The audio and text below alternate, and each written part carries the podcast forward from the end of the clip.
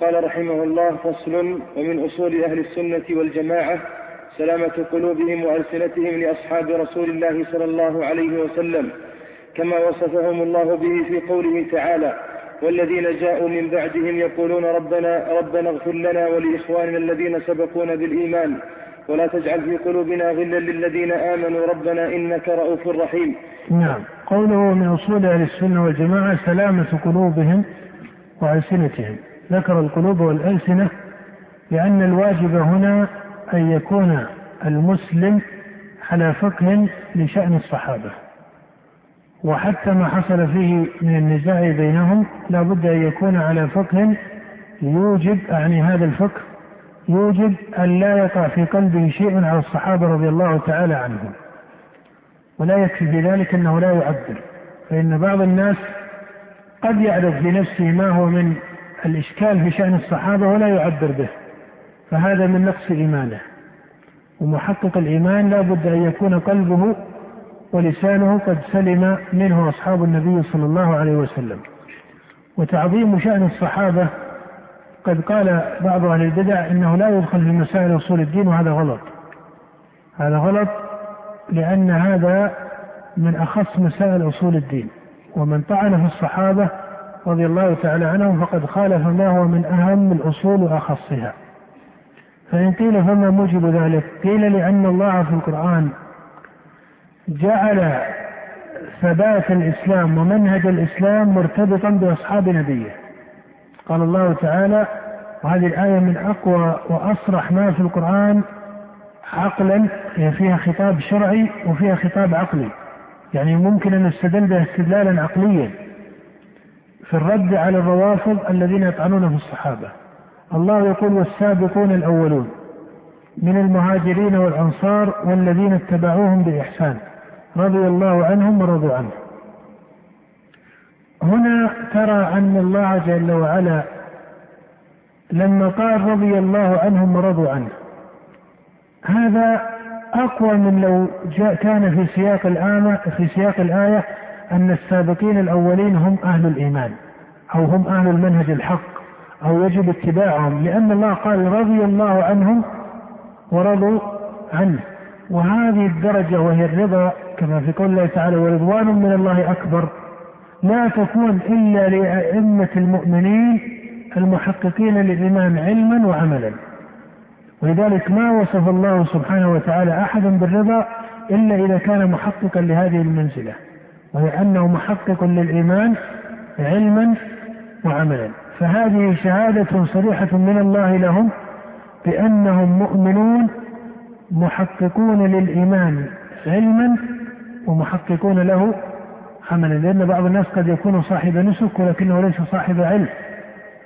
فهو قوله رضي الله عنهم هذا أقوى من التصريح بكونهم مؤمنين. لأن الرضا لا يكون إلا لمن حقق الإيمان ولأن الرضا حكم متعلق بالمآلات بخلاف اسم الإيمان الذي يعرض فإنه قد يفرض عليه فارض أنه قد يعقبه إيش؟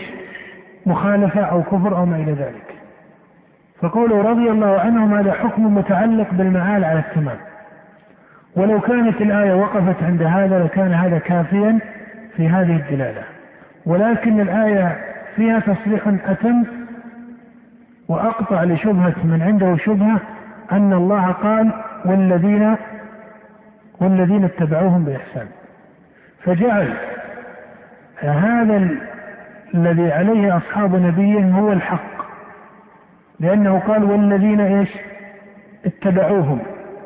فعلم أن الهدي الذي كانوا عليه عن السابقين من المهاجرين والأنصار علم أن الهدي الذي كانوا عليه هو الحق الذي رضيه الله دينا لعباده.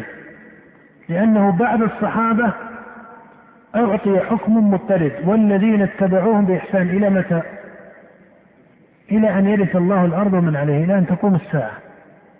فعلم أن هذا الاتباع كما أن الله قال في القرآن اتبعوا أحسن ما أنزل إليكم. أمر باتباع ما أنزل. فهنا أمر باتباع إيش؟ الصحابة. فعلم أن الصحابة رضي الله تعالى عنهم هديهم هو القرآن وهو الدين الذي شرعه الله ورسوله. فمن طعن فيهم فضلا عمن أو فمن خالفهم فضلا عمن طعن فيهم فلا شك أنه على إيمان صحيح أو ليس على إيمان صحيح ليس على إيمان صحيح. لأن الإيمان الصحيح جعل الله له مسارا واحدا هو والذين اتبعوهم بإحسان.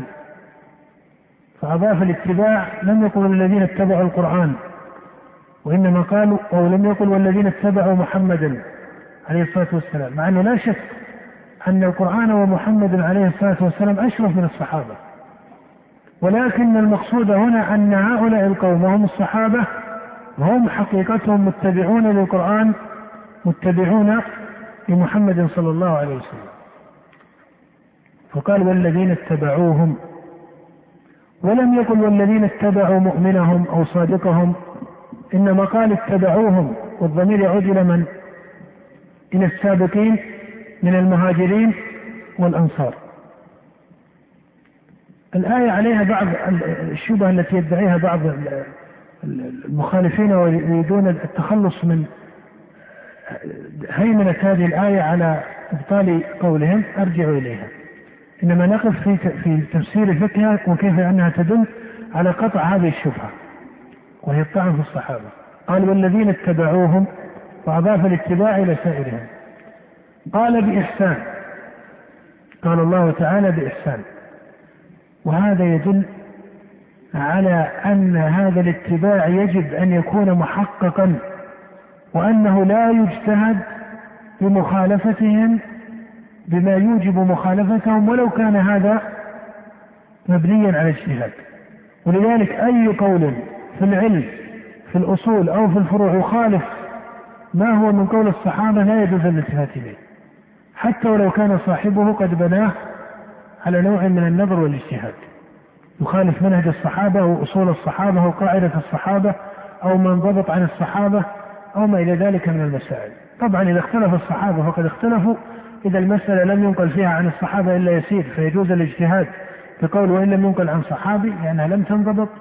لكن المقصود أن ما كان من منهجهم المنضبط أو أقوالهم المنضبطة فهذا هو معنى قول الله إيش؟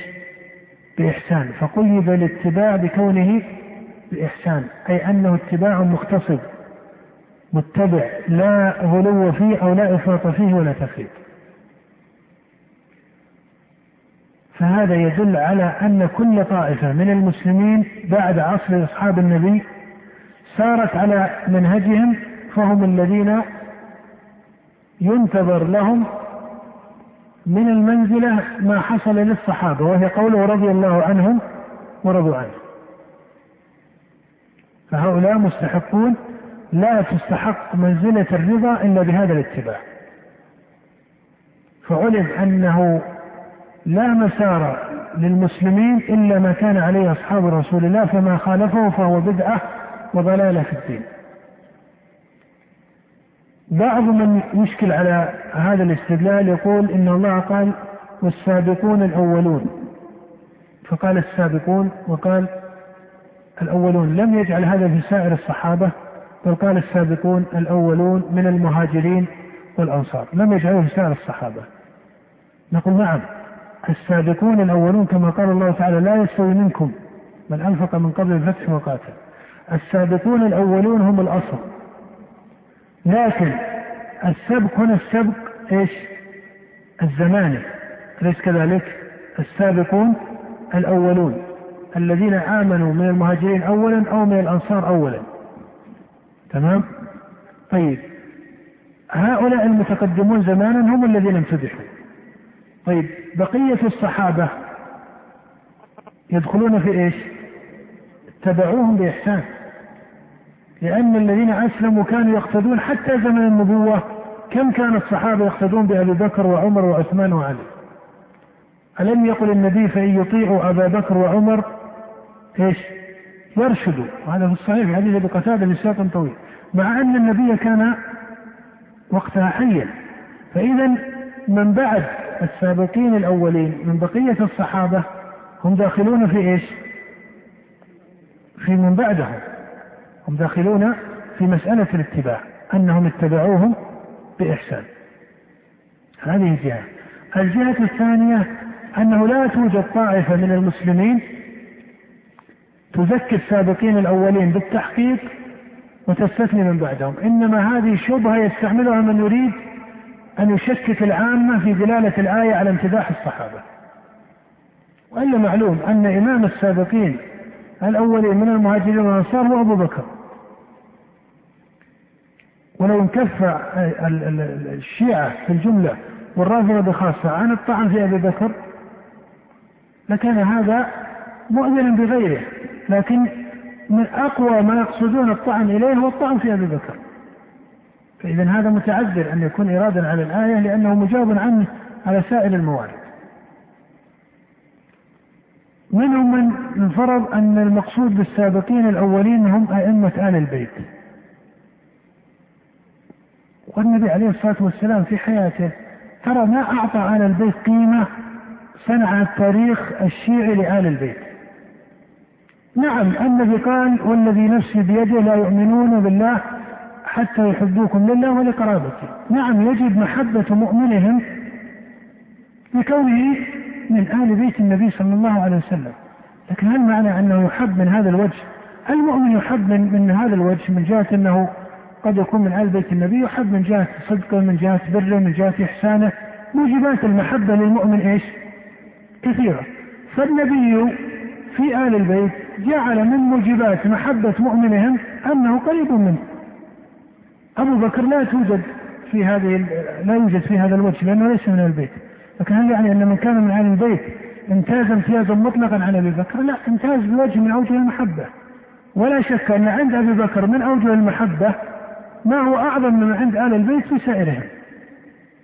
هذا هذا مما يعرف.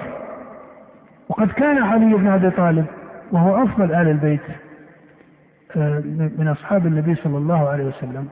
قد كان يعرف هذه المنزلة لأبي بكر ولو كان النبي يريد يريد بذلك تقديم آل البيت على غيرهم كما تفعله الشيعة المتعصبة في هذا لمسألة آل البيت لكان يقدم علي بن أبي طالب على من؟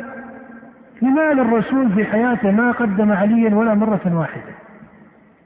تقديما مطلقا على أبي بكر يعني دائما في المقدمة أبو بكر نعم أما قول من يقول إنه في مسألة لأعطين الراية غدا رجل هذا لا إشكال فيه. أعطى هذه المرة علي لكن ألم يكن النبي عقد رايات كثيرة؟ ألم يكن كلف المسلمين بتكليف طيب الأذان. طيب لو أعطى علي بن أبي طالب الأذان قالوا أعطاه الأذان. وهو إمام الصلاة وعلي الأذان مما يدل على اختصاص علي. فلماذا ما ادعى قوم أن بلال له اختصاصا مطلقا؟ لأنه أعطي الأذان. أعطي علي الراية وأعطي بلال الأذان وأعطي هذا كذا وأعطي هذا كذا وكم عقد النبي من رايات لغير علي بن أبي طالب. لماذا لا نقف أو لا يقف هؤلاء إلا مع راية علي بن أبي طالب؟ هذه طرق فاسدة في العقل والشرع. علي بن أبي طالب هو أفضل رجل في الأمة بعد أبي بكر وعمر. و وعثمان وإن كان القول في عثمان فيه خلاف معروف عند أهل السنة. إنما المقطوع به هو تقديمه على أبي بكر أو تقديم أبي بكر وعمر عليه. هذا هو المجزوم به إجماعا صريحا عند السلف. فإما أن يكون الثالث وإما أن يكون الرابع وهو المشهور عند أهل السنة. لا شك في فضله ولا شك أن من موجبات فضل علي أنه من أهل البيت. والنبي لما قال عن الحسن والحسين إنهما سيد شباب أهل الجنة ليس لأنهما من أهل البيت وإنما لكونهما من أهل الإيمان وإلا كم من أهل البيت منهم كفار. وأبو النبي قال النبي صلى الله عليه وسلم إن أبي وأباك في النار. قد يتفضل الله لآل البيت بدرجات بمؤمنيهم لقربهم من رسول الله. هذا نعم يقع. لكن موجبات الإيمان الأصل هي العبودية لله. ليس أن هذا من آل البيت وهذا ليس من آل البيت. فإذا هذا التكلف في مسألة آل البيت الإسلام لم يأتي ليكرر سلطة عائلة معينة النبي عليه الصلاة والسلام هو النبوة ليست اكتسابا ليس من عقائد السلف بل من عقائد جمهور المسلمين إلا من شذ من شاكل المتفلسفة أن النبوة إيش؟ اكتساب أم اصطفاء؟ الله يصطفي من الملائكة رسلا ومن الناس تلك الرسل فضلنا الرسالة اصطفاء من الله فالإسلام ما جاء ليكرس سلطة عائلة وكأن الآن السلطة في الإسلام وهي السلطة ليست النبوة وضع لها الأنظمة كالشورى وغير ذلك فما بالك أن أن القضية الدينية الإيمانية تكرس من سلطة عائلة طيب العائلة هذه يفترض أنه أصبح ما فيها علماء هل ينزل عليهم وحي؟ هل هم معصومون؟ هذه أشياء يجب أن تفقه. الإسلام أقوى أكبر. الإسلام دين الله ومحمد عليه الصلاة والسلام هو نبي اصطفاه الله. فتكنيس مسائل سلطة العائلة هذا بحجة مسألة آل البيت وكأن الإسلام كله يرجع للحسن والحسين وفاطمة وما حصل وما قتل وما ظلم. وهذه هي قضية العبودية والدين الإسلامي هذا ضعف في تصوير الإسلام. وبيان حقيقته العبادية الإيمانية. فإذا المقصود أن هذه الآية دليل صريح من الشرع والعقل على أن هؤلاء القوم عن الصحابة هم أهل الإيمان. ثم لو فرض أن من يقول أن السابقين الأولين هم أهل البيت. القرآن ماذا قال؟ قال من إيش؟ من المهاجرين هب أن المهاجرين المقصودين في الآية كلهم أهل البيت. طيب الأنصار هل في أنصار من أهل البيت؟ لا الأنصار معروف أنهم هم أهل المدينة النبوية هؤلاء ليسوا من قريش في الجملة أصلا وليسوا من أهل بيت النبي صلى الله عليه وسلم. والله يقول المهاجرين والأنصار. وأما يقول الأنصار الذين نصروا علي بن أبي طالب الآية وجدت قبل أن توجد مسألة الانتصار لعلي بن أبي طالب هذا تحريف للقرآن. هذا تحريف للقرآن. فإذا الأنصار لا شك أن القوم لما نزل كانوا يسمون الأنصار. هذا متفق عليه تاريخيا وعلميا وشرعيا أن أهل المدينة النبوية كانوا يسمون الأنصار. فالقرآن لما نزل عرف أن المهاجرين هم أهل مكة والأنصار هم أهل المدينة. الأنصار ما فيهم من أهل البيت أحد. بمعنى أنه يمتد من جهة النسب. كأن أهل البيت هم من قريش لابد ومن بني هاشم. والأنصار قبائل معروفة مفكة عن هذا من جهة الأصل فإذا أين نضع الأنصار؟ أما من يقول إن هذا وقت إيمانهم قبل أن يحصل منهم ما حصل فنقول إن الله قال رضي الله عنهم. ونقول إن الله قال والذين اتبعوهم هذا خطاب للأمة كلها. هذا خطاب للأمة كلها. حتى الذين اتبعوهم بعد وفاة الرسول عليه الصلاة والسلام لأنهم متبعون لهم. وأما من يقول إن الله قال والذين اتبعوهم بإحسان فكأنه إشارة إلى أنه قد يحصل منهم الكفر أو الظلم. نقول إذا كان يحصل منهم الكفر امتنع اتباعهم لا بإحسان ولا بإيش؟ لأن من كفر ما بقي فيه شيء. حتى يتبع بإحسان وبغير إحسان. وأما من يقول إنه قد يحصل منهم ما هو من الظلم فنقول هذا لو سلم جدلا أثبت تحقيق أيمانهم وأنه قد يعرض منهم ما هو من النقص هذا ليس هو مورد النزاع لأنه لا يقال بعصمتهم بعصمة أحدهم لا يقال بعصمتهم إنما المعصوم هو اجتماعهم المقصود أن الآية ينبغي التفقه فيها على هذا المعنى وأن يخاطب بها من عنده شيء في شأن الصحابة لأنها صريحة في تحقيق هذه المسألة. نعم. قال رحمه الله وطاعة النبي صلى الله عليه وسلم في قوله لا تسبوا أصحابي والذي نفسي بيده لو أن أحدكم أنفق مثل أحد ذهبا. ما بلغ مد أحدهم ولا نصيفه. ويقبلون ما جاء به الكتاب. نعم لا تسبوا أصحابي وإن كان هذا قد قاله النبي عليه الصلاة والسلام مخالط به بعض الصحابة وكان مقصوده عليه الصلاة والسلام بالصاحب هنا عند سبب ورود الحديث والصاحب الأول ولكن إنما يذكره الأئمة لأنه إذا كان هذا في حال بعض الصحابة مع بعض أي أن أن متأخرهم لا يجوز أن يقع فيما هو من الذم أو السب لمتقدمهم فمن باب أولى إيش؟ من بعدهم ممن ليس من الصحابة. فهذا من باب قياس الاولى يعني إذا كان النبي قد قال عن بعض أصحابه فإن أحدكم لو أنفق أي أنه ما يبلغ منزلة هذا المتقدم من أئمة الصحابة الأوائل فإن هذا في حق غيرهم أي غير المتأخرين ممن هم ليسوا من الصحابة من باب أولى. نعم. ويقبلون ما جاء به الكتاب والسنة والإجماع من فضائلهم ومراتبهم.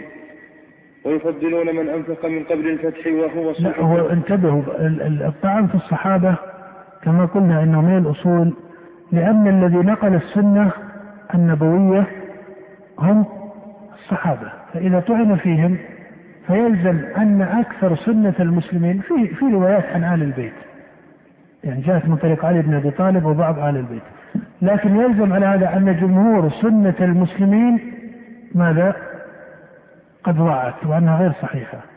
ويلزم من هذا أن الله سبحانه وتعالى أمد هذا النبي بقوم يعلم سبحانه أنهم سيكذبون عليه ويغيرون سنته. ويتدين الناس بهذا الدين الخاتم على غير ملة الله التي أرادها. لأنهم سيتدينون بأحاديث مكذوبة على نبي الله عليه الصلاة والسلام ويكون هذا سائغا وساريا في المسلمين هذا يتنافى مع الحكمة الإلهية ويتنافى مع العلم الإلهي ومع الغيب؟ الله قد أخبر أنه قد أكمل هذا الدين وأنه رضيه وأنه حفظه إلى غير ذلك. بل لك أن تقول إن الصحابة هم الذين حفظوا إيش؟ حفظوا حتى القرآن. صحيح أن الله يقول إنا نحن نزلنا الذكر وإنا له لحافظون القرآن محفوظ بحفظ الله.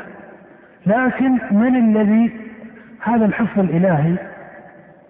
له حقائق من جهة المفعولات اللي هي مفعولات الله سبحانه وتعالى. هذه المفعولات تحصلت بحفظ أصحاب النبي للقرآن. ألم يكن القرآن ينزل على الرسول عليه الصلاة والسلام؟ فكان يقرأه عليه الصلاة والسلام ويقرأه الصحابة. لما جاء زمن أبي بكر أين كان القرآن؟ هل كان النبي قد كتب القرآن محفوظا عنده وأعطاه للصحابة وأعطاه لعلي أو لغيره؟ كلا. القرآن كان موجودا في صدور الصحابة وهذا هو صريح القرآن بل هو آيات بينات في صدور الذين أوتوا العلم. فكان أبو بكر يجمعه من صدور الصحابة. ثم في زمن عثمان جمع من صدور الصحابة. لما ضبط على مصحف عثمان. فإذا الحقيقة أن من يطعن في الصحابة يلزمه حتى الطعن في إيش؟ في القرآن. لأنهم هم الذين حفظوا القرآن وحفظوا السنة فالسنة بلغوها والقرآن بلغوه عند جمعه لأبي بكر وعند جمعه في زمن عثمان. ما بالك إذا كان الذي حفظ قرآن المسلمين وسنتهم إما أنه منافق أو رجل كافر أو رجل مستخف بكذا أو أنه من الفساق على أقل الأحوال من الفساق هذا لا يتناسب مع هذه الرسالة التي هي خاتم أديان الأديان الإلهية على البشرية. هذا ما حصل لقوم نبي ما حصل لقوم نبي من الأنبياء مع أن محمد هو أفضل الأنبياء. ما أمد الله نبيا بقوم بهذه الصورة. الحواريون أصحاب عيسى من صدق من أصحاب موسى إلى آخره. هؤلاء قد بان إيمانهم لكن بنو إسرائيل الذين تلاعبوا مع موسى عليه الصلاة والسلام ما شهد الله لهم بتمام الإيمان. نعم ذكر الله أنه أنعم عليهم أنه فضلهم على العالمين لكن لا يلزم أن هذا شهادة لهم كانت بأصل الإيمان. نعم.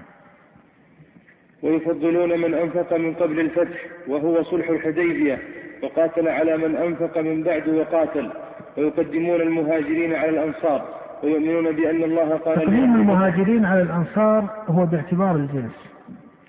جنس المهاجرين أفضل من جنس الأنصار ليس باعتبار الأعيان. بمعنى أنه قد يوجد من أفراد المهاجرين من أفراد الأنصار من هو أفضل من بعض أعيان المهاجرين. فتقديم المهاجرين باعتبار الجنس لا باعتبار الأعيان. لما قدموا لأن الله قدمهم في القرآن لأنهم جمعوا بين الهجرة, بين الهجرة والنصرة إلى غير ذلك من المعاني لكن هذا تقديم باعتبار الجنس أو النوع لا باعتبار الأفراد والأعيان نعم.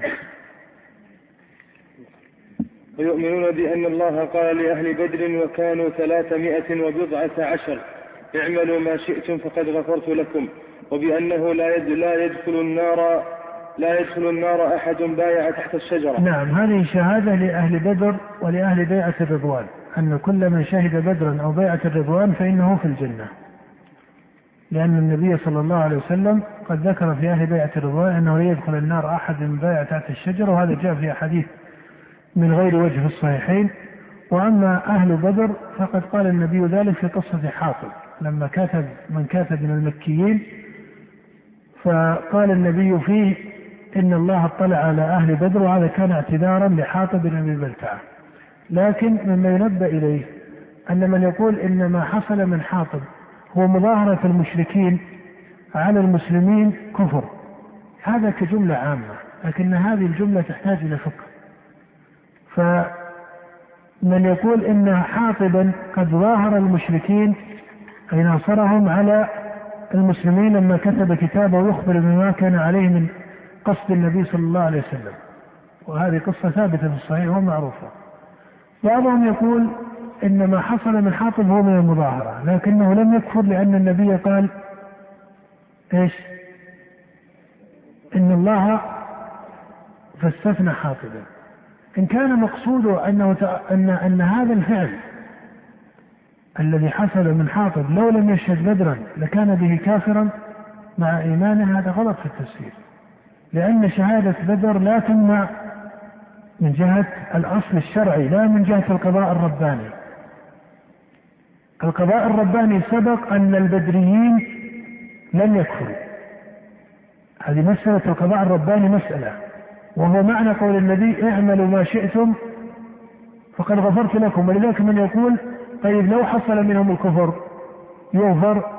تقول الرسول هذا يوحى إليه. لما قال اعملوا ما شئتم فقد غفرت أن الله قال أن الله اطلع على أهل بدر فقال أعملوا ما شئتم.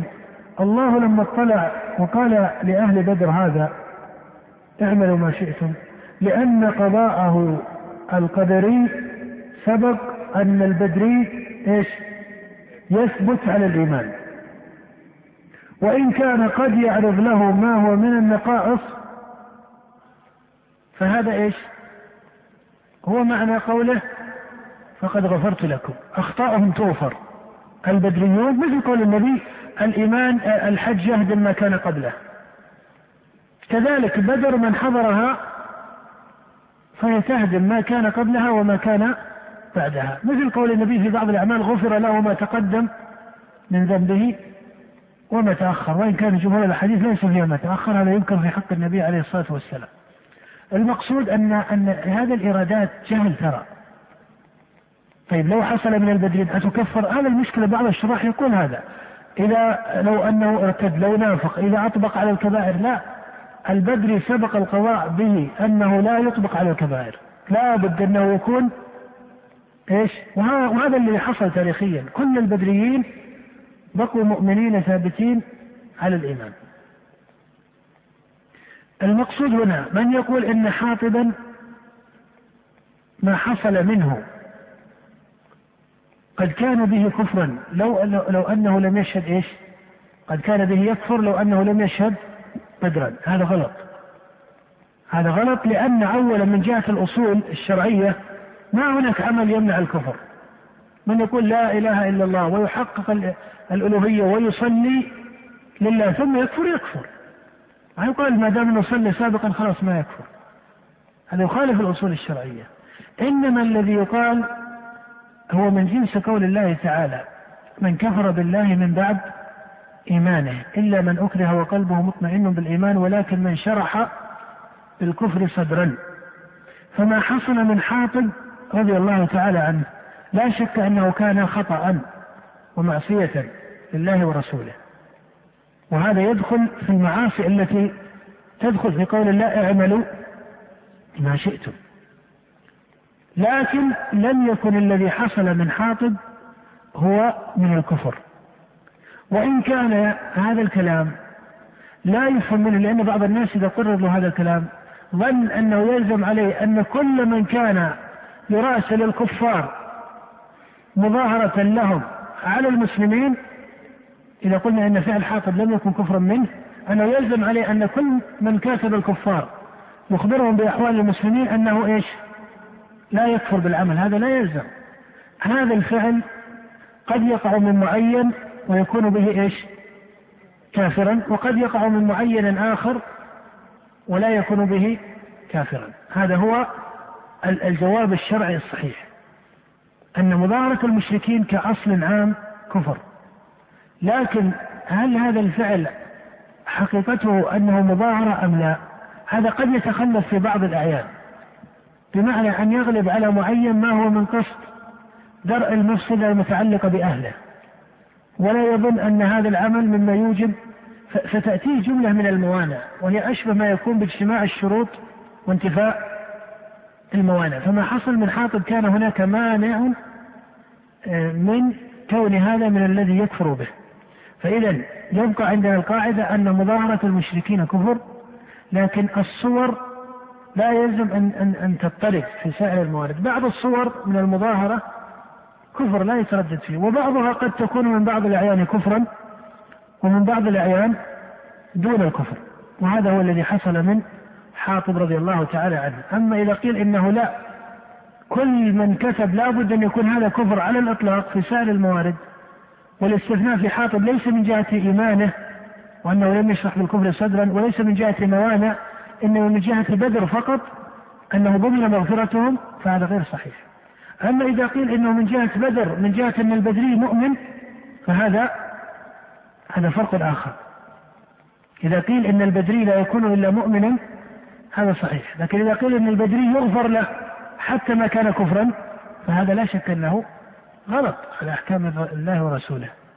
لأن الله لا يرضى لعباد الكفر ولا يمكن أن يغفر الكفر لأحد. وقوله اعملوا ما شئتم ليس معناه أنه قد يقع منهم الكفر. هذا قاله رب العالمين الذي يعلم معالهم وحالهم. نعم. قال رحمه الله بأنه لا يدخل النار أحد بايع تحت الشجرة كما أخبر به النبي صلى الله عليه وسلم بل لقد رضي الله عنهم ورضوا عنه. يعني أنا أريد أن نصل إلى مفهوم أن باختصار ربما قد يكون الكلام آه، يتعذر يعني ضبط مقصودة على بعض من يسمعه. من فسر حديث حاطب بن أبي بلتعه بأن هذا الفعل لو صدر من صحابي لم يشهد بدرا لكفر فقد غلب هذا المقصود. يعني من جعل المانع من تكفير حاطب هو إيش؟ هو أنه شهد بدرا فقد غلب إنما المانع أنه كان مؤمنا رضي الله تعالى عنه ولم يكن ولم يكن كافرا مع أن الفعل نفسه مورده مورد إيش؟ الكفر ولذلك يقع من غير حاطب ويكون إيش؟ كفرا مخرجا من الملة. لكن هل هو يستلزم ذلك باضطراد لسائر أعيان المؤمنين؟ لا يستلزم ذلك لابد من تحصيل هذا الفقه. قد يكفر شخص بحكم أن صاحب الرسالة غير موجود الآن. بمعنى أن النبي شهد لحاطب بهذا الاستثناء المنافي لظاهر فعله وقد يتعذر على من بعد الرسول عليه الصلاة والسلام أن يشهد لأحد بما هو من حاله القلبية الصادقة المنافية لإيش؟ لظاهر فعله لأن غير النبي لا يعلم بمثل هذا الوحي الذي نزل عليه اعملوا ما شئتم فكان قوله اعملوا ما شئتم كأنه بمعنى أن أهل بدر ماذا؟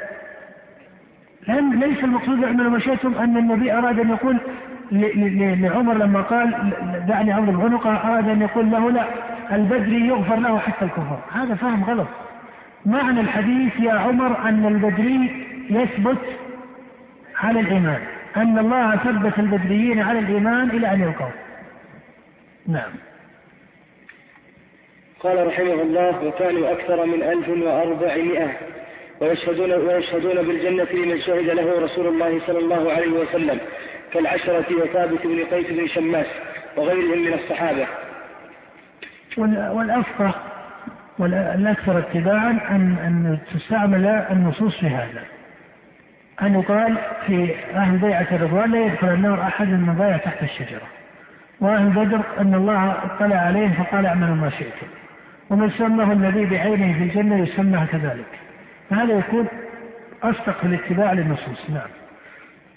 ويقرون بما تواتر به النقل عن أمير المؤمنين علي بن أبي طالب رضي الله عنه وغيره من أن خير هذه الأمة بعد نبيها أبو بكر ثم عمر ويثلثون بعثمان ويربعون بعلي رضي الله عنه تواتر عن علي أن أفضل هذه الأمة بعد نبيها أبو بكر ثم عمر وكان يقول على منبر الكوفة لا أوتى برجل يفضلني على أبي بكر وعمر إلا جلدته حد المفتري هذا مما تواتر عن علي بن أبي طالب رضي الله تعالى عنه.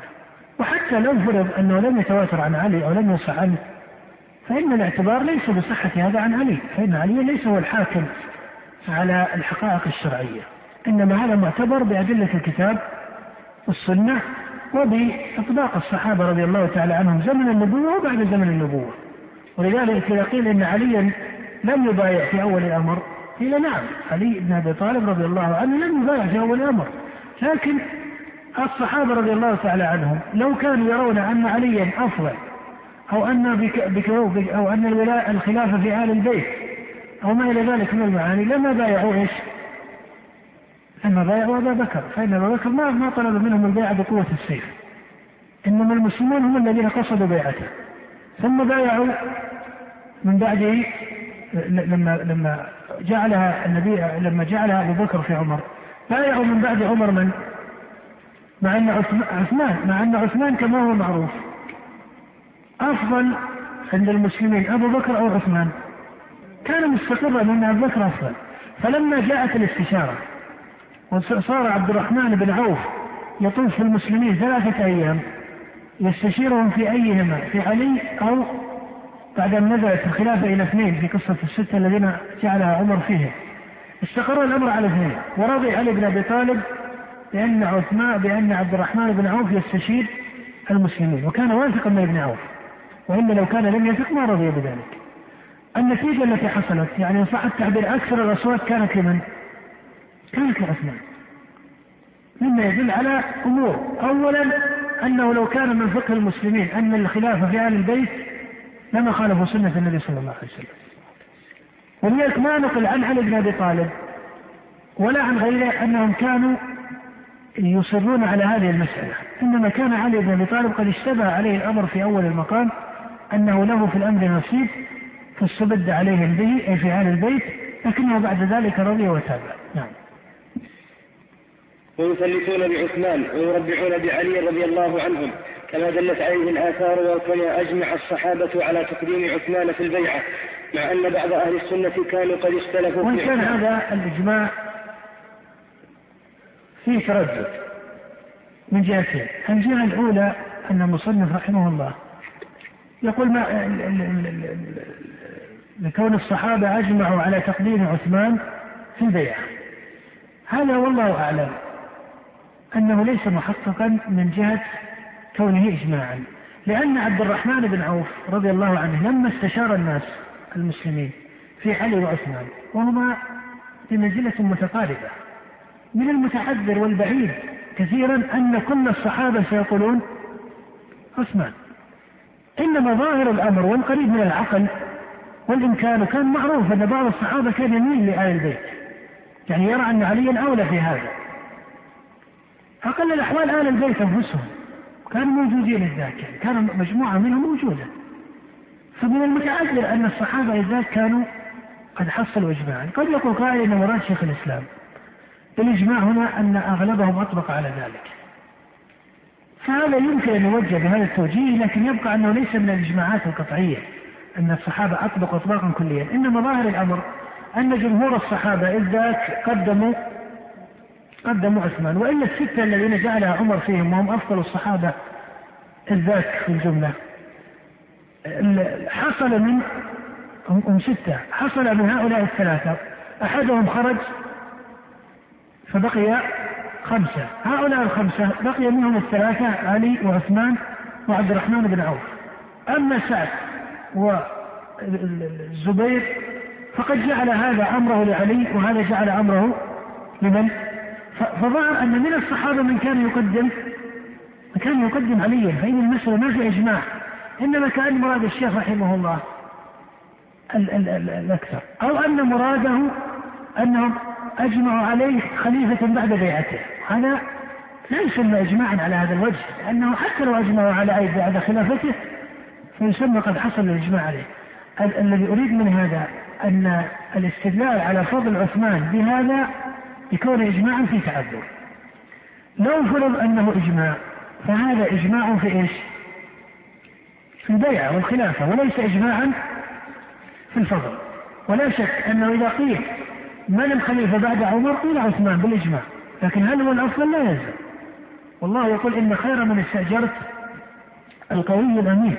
وشيخ الإسلام نفسه يقول إنه في مسائل الولاية يعتبر الأمانة والقوة، الأمانة الدينية والقوة. يقول وإذا وجد من فيه القوة وقدر يكفي من الأمانة فهو أولى ممن غلبت أمانته الدينية وقلت قوته السلطانية، لأن هذا يقول لا يسوس الناس. فإذا قد يعتبر في التقديم في مسألة الخلافة أنه أقوى أو أن الناس عليه أجمع ولا يلزم يكون هو الأفضل فالقصد أن أن مسألة عثمان وعلي ليس فيها نص وليس فيها إجماع وقد أنكر الإمام أحمد على من بدع المخالف فيها. يعني هي مسألة لا يبدع المخالف فيها على الصحيح من مذهب أحمد. وإن كان المشهور عند أهل السنة أن عثمان أفضل لكن لماذا نقول هذا الكلام؟ لأن هذه المسألة لا ينبغي أن يعالى فيها مع الشيعة. أن عثمان أفضل من علي. كان هذا من مستقرات مذهبنا أن نقدم عثمان رضي الله عنه على علي بن أبي طالب هذا فيه قدر من التكلف أن يقال إنه من الإجماعات والمستقرات. إنما القضية المستقرة الإجماعية تقديم أبي بكر وعمر هذا هي التي لا جدل فيها. أما مسألة عثمان ففيها مجال للاجتهاد. ولو أن سنيا ناظر بعض الشيعة وقال أن عليا عندنا أفضل من عثمان ما ينكر عليه. لكن إذا تكلمنا في الكلام العام قيل الذي درج عليه أكثر أهل السنة أن عثمان أفضل من عثمان هذه ما فيها نص. وإنما قدم أبو بكر وعمر على علي للنص ليس إلا. هذا هو السبب أن هذه لا جدل فيها لوجود نصوص فيها. أما عثمان ما في نصوص. له فضائل؟ لعلي بن أبي طالب فضائل.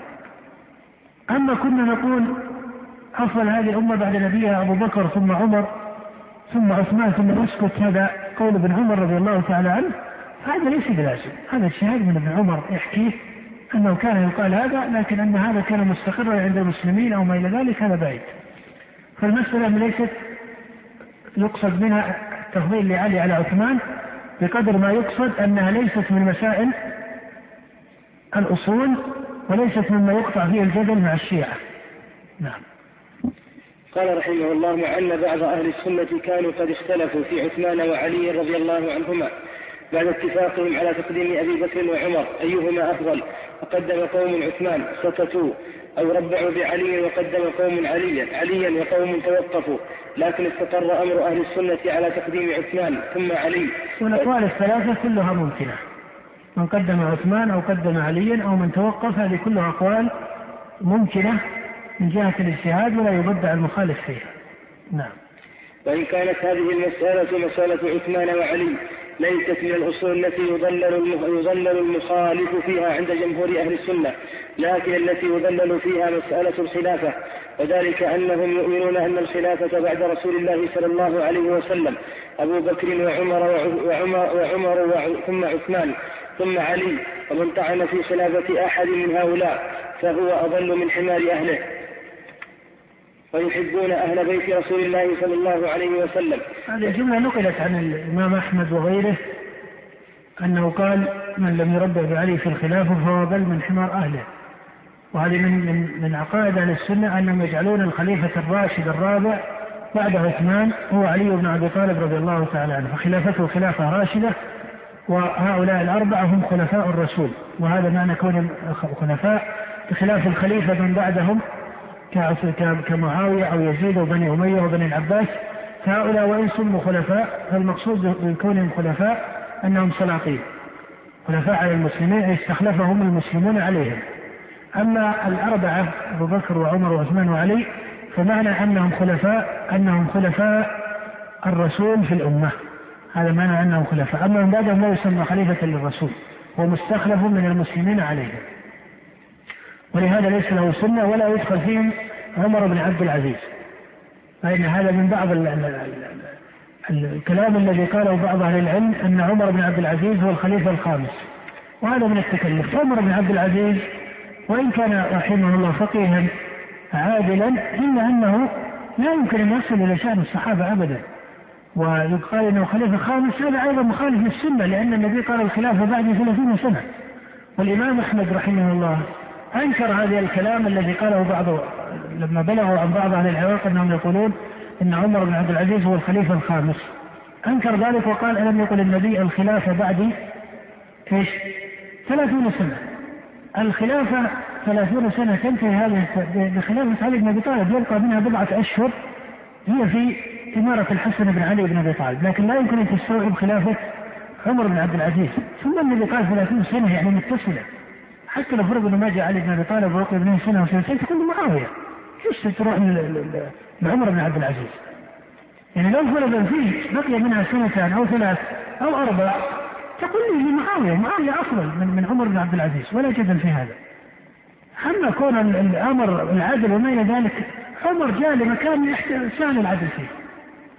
عمر بن عبد العزيز ما واجه ابن الزبير في مكة معارض ولا واجه الحسين بن علي معارضا ولا واجه قبلهم علي بن أبي طالب معارضا عمر بن عبد العزيز جاء في ملك سلطان آه، ملكي مستقر والدولة قوية والسياسة قوية والأمور كلها على التمام والميزانية العامة قوية وكل الأمور الداعية للاستقرار قوية لكن تحتاج إلى إيش؟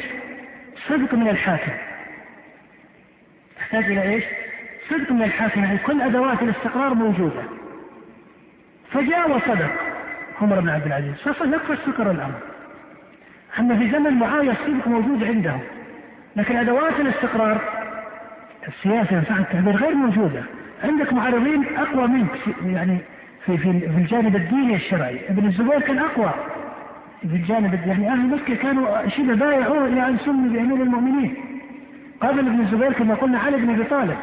مقامه عند المسلمين وشأنه أقوى من معاوية. فإذا لا ينبغي الخلط بين هذا وهذا. معاوية قد يكون حصل منه من بعض الحسن لأشياء حتى قال النبي تقطع عمرنا الفئة الباغية وهي فئة أهل الشام التي كانت وكالة معاوية. عمر بن عبد العزيز ما ما واجه مثل هذا الحسن أصلا. كان يواجه ناس آه، ليس لهم هذه المنزلة الشرعية كمنزلة علي بن أبي طالب أو بعض الصحابة من بعد علي بن أبي طالب بن الزبير وما إلى ذلك.